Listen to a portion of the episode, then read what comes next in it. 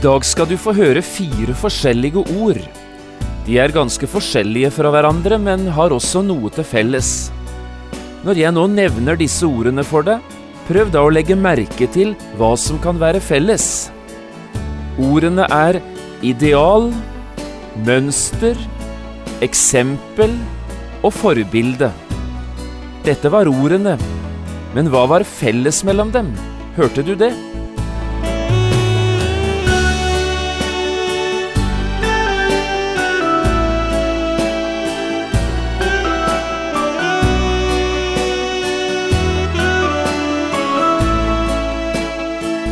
Hjertelig velkommen til et nytt program i serien Vindu mot livet. Programmet er produsert av Kristen Riksradio og blir ledet av Jon Hardang. Denne programserien er produsert med støtte fra Blom fiskeoppdrett.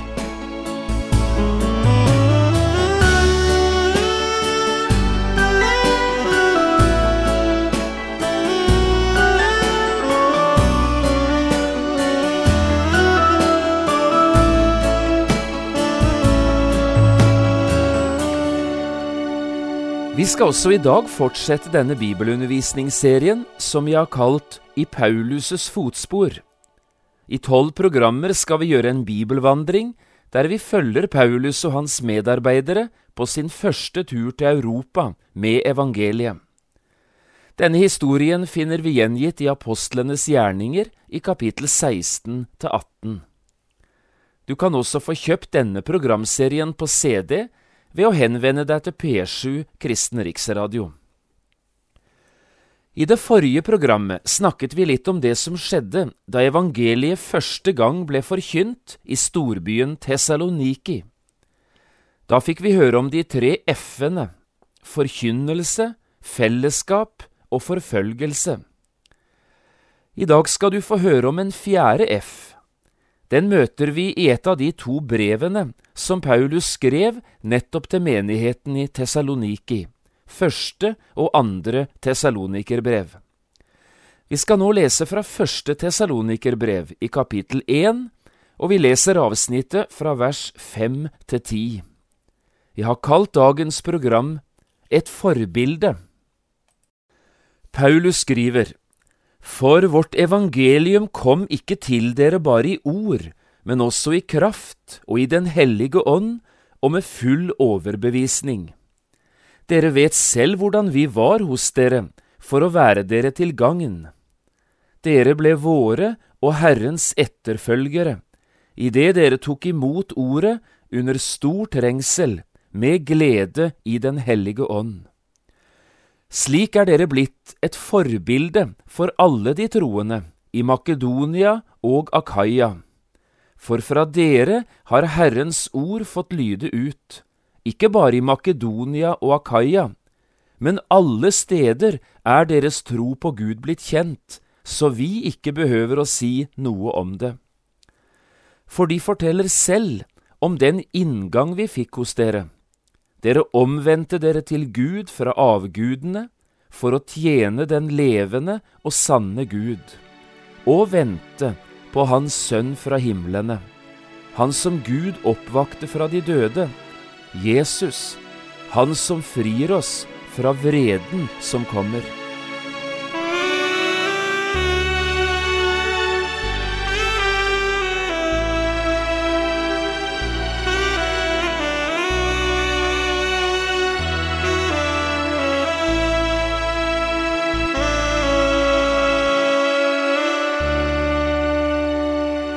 Jeg vil starte dagens program med å nevne fire ord for deg.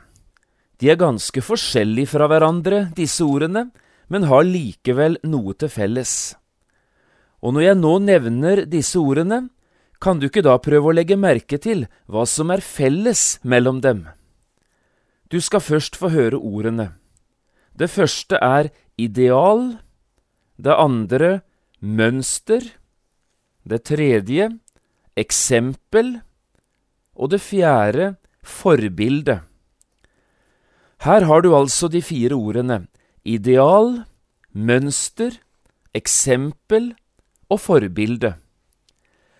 Du hører sikkert hvor forskjellige de er, men kanskje du også hører hva som er felles mellom dem. La meg først få prøve å forklare hva hvert enkelt ord betyr, enda du sikkert vet dette fra før. Først et ideal. I Gyldendals fremmedordbok står det at et ideal er det i sitt slag fullkomne. Et ideal er altså noe du ønsker å strekke deg etter, og kanskje bli mest mulig lik. Videre et mønster. Det er jo den malen du klipper stoffet etter når du for eksempel vil sy et nytt klesplagg. Skal du få et godt resultat, må du da følge mønsteret, og du må gjøre det så nøye som mulig. Og så eksempel. Om dette ordet sier Fremmedordboken at et eksempel er et enkelttilfelle som kan brukes til å belyse en allmenn regel. Og så det siste, et forbilde. Også det handler om eksempelets makt. Et forbilde er noe du beundrer og ser opp til. Det er noe du ønsker å bli mest mulig lik. Et forbilde kan gi retning for hvordan du skal leve eller gjøre en bestemt ting. Hele veien handler det i disse fire ordene om det å gå foran, om det å vise vei. Du skal være slik mot andre at disse, ved å se på deg, skal forstå hva som er godt, og hvor veien går til det gode. Det er betydningen av å være et mønster, et eksempel eller et forbilde for andre. Men hvorfor snakker jeg om dette nå i dag? altså det å være et eksempel eller et forbilde for noen? Jo, svaret er ganske enkelt.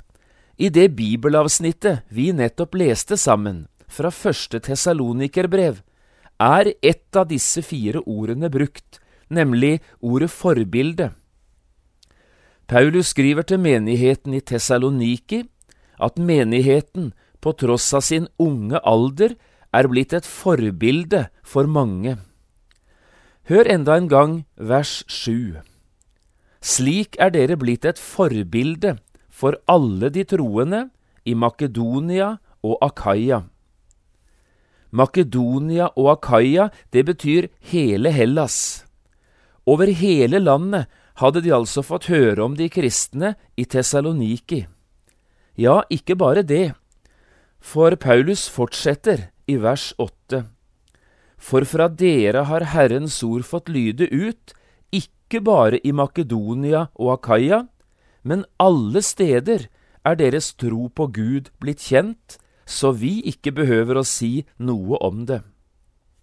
Alle steder, skriver Paulus, og det de hadde hørt alle steder, var av en slik karakter at de forsto, slik som dette burde alle kristne ha vært. Slik skulle vi ha vært. Ja, slik skulle jeg ganske personlig har vært i mitt liv. Dette er en ganske interessant sak, synes jeg, for jeg vet ikke om du husker det vi forrige gang leste, og hva som skjedde i byen Tessaloniki da evangeliet for første gang ble forkynt av Paulus akkurat der.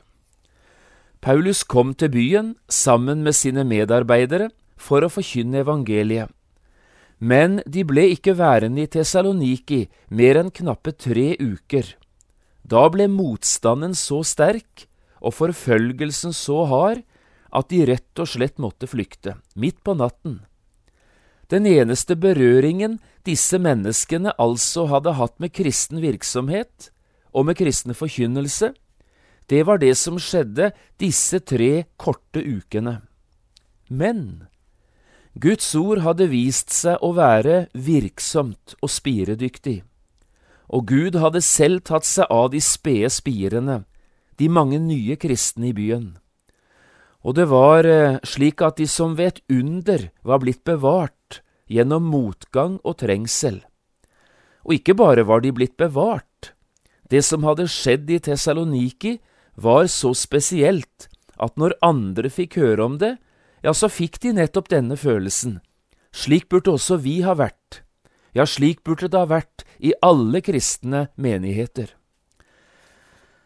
Det er flere spennende ting å legge merke til i den bibelteksten vi nå har foran oss, enn det vi allerede har nevnt.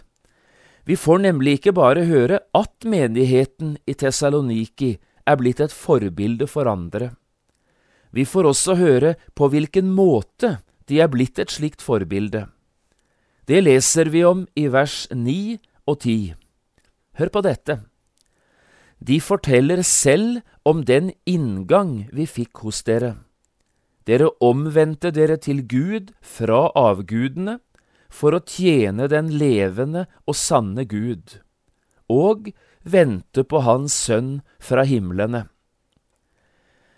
Jeg vet ikke om du fikk dette med deg, men her peker altså Paulus på fire forskjellige ting, og så sier han, på denne måten på disse fire konkrete områdene er dere blitt et forbilde for alle de troende.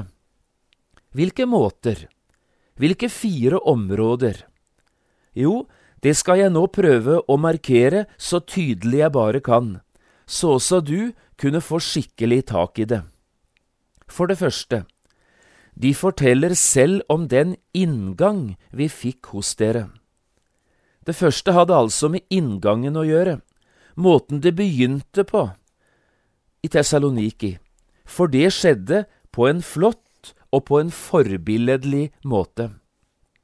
For det andre, dere omvendte dere til Gud fra avgudene. Måten de altså omvendte seg på, det er det andre vi skal legge merke til. For ved å se mot Tessaloniki lærer vi hva en sann omvendelse er, og hva den går ut på. For det tredje, for å tjene den levende og sanne Gud. Noe av det første som skjedde etter at de kristne i Tessaloniki var blitt omvendt til Gud, det var at de stilte seg til tjeneste. Fordi de selv var blitt frelst, ja, så ønsket de også at andre måtte få oppleve det samme. Og så det fjerde, det siste. Å vente på Hans Sønn fra himlene, sto det. Det var altså tent en ny forventning i deres hjerter. En dag kommer Jesus igjen. Derfor er det viktig å leve slik at vi er rede til å møte Han den dagen Han kommer. En ny forventning var tent, en følelse av framtid og håp. Her har du det altså, de fire forskjellige tingene som gjør menigheten i Tessaloniki til et forbilde for alle de troende, både i Hellas og utover hele jorden. Jeg vet ikke om du fikk øye på det, forbilde fra Tessaloniki. Og nå mot slutten av dette programmet så hadde jeg lyst til å løfte disse fire tingene fram enda en gang akkurat som du løfter opp noe verdifullt. Og jeg gjør det ikke bare for at du skal få øye på det, men kanskje også slik at du skulle få se hva det dreier seg om, og få lyst til, for din egen del, å ligne på de kristne fra Tessaloniki. Gud har altså gitt denne menigheten også til oss som et stort og viktig forbilde. Det første hadde altså med inngangen å gjøre, måten det begynte på i Tessaloniki. De forteller selv om den inngang vi fikk hos dere. Slik leste vi det i begynnelsen av vers 9. Og leser vi nå hele første Tessalonikerbrevet igjennom, så forstår vi at dette dreier seg om to viktige ting. I kapittel 1, 5 sto det slik. For vårt evangelium kom ikke til dere bare i ord, men også i kraft og i Den hellige ånd, og med full overbevisning. Og så kommer det videre, og dere ble våre og Herrens etterfølgere idet dere tok imot ordet, under stor trengsel, med glede i Den hellige ånd. Slik er dere blitt et forbilde. De tok altså imot det ordet som ble forkynt. Det var det store og viktige som skjedde i Tessaloniki. For når du tar imot ordet om Jesus, ja, så tar du imot Jesus selv. Og det er slik et menneske blir frelst, blir et Guds barn.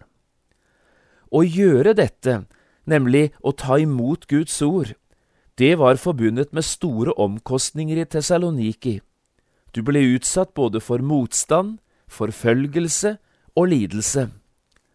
Men i Tessaloniki syntes disse omkostningene likevel ikke å være for store. De tok imot ordet, de måtte bli frelst, uansett. I kapittel 2.13 får vi høre litt av det samme. Der skriver Paulus, Derfor takker vi også alltid Gud for dette.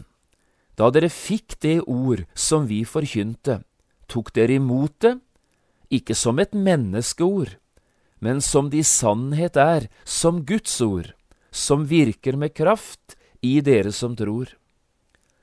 Det kristne budskapet, evangeliet om Jesus, er altså noe mer enn menneskeord. Det er noe annet enn menneskelige påfunn og ideer. Det er Guds eget ord, som Den hellige ånd bruker for å forklare for oss hvem Jesus er. Derfor bøyde de seg for dette ordet i Tessaloniki. Derfor tok de imot det, og derfor fikk de også oppleve kraften i det. Hva med deg som lytter nå? Er det slik du forholder deg til kristen forkynnelse? Er det Guds ord du lytter til, eller hører du bare menneskeord? Det andre, som er forbilledlig for menigheten i Tessaloniki, har med måten de omvendte seg på å gjøre. Dere omvendte dere til Gud fra avgudene, står det i vers 9. Omvendelse i Bibelen har egentlig med to forskjellige ting å gjøre, som likevel hører tett sammen. Det brukes nemlig to forskjellige ord i Bibelen for å understreke disse to sidene for oss. På den ene siden betyr omvendelse en sinnsforandring. Det skjer altså en forandring på innsiden av menneskelivet. Du får et nytt sinn, et nytt hjerte og en ny lyst og en ny vilje. Men på den andre siden betyr også omvendelse retningsforandring. Det har med livets ytterside å gjøre, noe som alle kan se. Du skifter kurs, du endrer livsinnstilling og livsretning. Men begge deler hører med, både innsiden og yttersiden. Videre innebærer en sann kristen omvendelse både et ja og et nei. Det blir alltid et til og et fra. Dere omvendte dere til Gud fra avgudene. Her skal du merke deg rekkefølgen. Det begynte med et ja, et ja til Gud, og så fortsetter det med et nei, et nei til avgudene, til idolene. Det går an å bli så opptatt med alt det du skal vende deg bort fra, at du aldri kommer noe lenger. Du blir aldri omvendt til Gud. Men det er her du må begynne, med å omvende deg til Gud. For vender du deg først til Gud, ja, så blir du også omvendt fra avgudene. Bare prøv. Det tredje Paulus understreker, har med det nye livet å gjøre. For å tjene den levende og sanne Gud, står det videre i vers 9. Ordet som her er brukt for å tjene, er det sterkeste ordet vi har i hele Bibelen om akkurat denne saken. Dette handler om den måten å tjene på som bare en slave er i stand til å gjøre. Å være en kristen betyr nemlig å være Kristi slave, eller Kristi trell. En slave er sin herres eiendom. Han er forpliktet på sin herres vilje, men skal også få lov å leve under Herrens ansvar og omsorg. Og nettopp slik er det å være en kristen. Du er Herrens eiendom, du hører Herren til. Du er forpliktet på Herrens vilje og skal ikke lenger følge din egen vilje. Men du er også uten ansvar for ditt eget liv. Gud har tatt ansvaret. og så skal du få regne med Herrens omsorg i alle deler av ditt liv. Å tjene den levende og sanne Gud betyr dermed at du har fått et nytt orienteringspunkt i livet. Det er ikke lenger du selv som skal stå i sentrum. Nå er det Gud og Hans rike du først og fremst skal søke. Nå er det ikke lenger dine egne lyster, men de andres behov som skal være det viktigste. Fra dere har Herrens ord fått lyde ut, slik leste vi det i vers åtte. I stedet for bare selv å nyte, hadde de i Tessaloniki begynt å yte, være noe for andre. Og det er nå hovedsaken i ditt og mitt kristenliv i hverdagen. Det siste vi får høre om, har med fremtiden å gjøre, og med den nye forventningen som var skapt i de nyfrelstes hjerter. Å vente på Hans Sønn fra himlene, slik sto det i vers 10.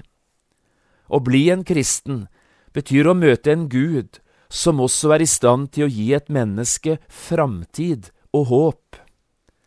Alle Guds barn har det beste igjen, sier en kristen sangforfatter, og nettopp dette hadde de fått oppleve i Tessaloniki en ny forventning om en ny framtid, et nytt håp. De ventet ikke på døden, de ventet verken på Antikrist eller på dommedag. De ventet på Jesus, han som Gud oppvakte fra de døde, han som frir oss fra vreden som kommer. Hva med deg som lytter nå? Hva er din framtid? Hva venter du på? Venter du på Jesus, han som skal komme igjen for å hente sitt folk hjem til himmelen? Eller har du ikke slike ting å vente på? Også her er det noe å lære av de kristne i Tessaloniki. De levde med en åpen himmel over sitt liv. De visste hvor de skulle hen. Døden er ikke det siste. Det ender hos Gud. Det skal ende hos Jesus. For en framtid det er, og for et håp. Her har du altså forbildet fra Tessaloniki. Et forbilde som har med inngang, omvendelse, tjeneste og forventning å gjøre. Jeg vet ikke hva du synes etter å ha hørt dette. Er ikke dette ting som også du kunne tenke deg å fylle ditt liv med? Det mennesket som innretter sitt liv etter forbildet fra Tessaloniki, skal i alle fall få oppleve et rikt og et godt liv. Det skal Gud selv sørge for.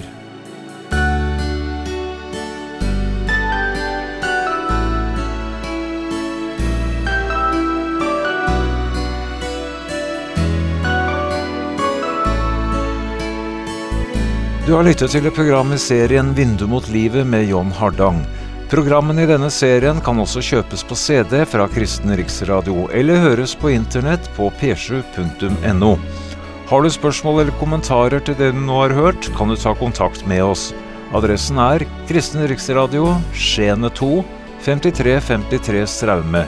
Eller send en e-post vml alfakrøll p7.no. Takk for i dag, og på gjenhør.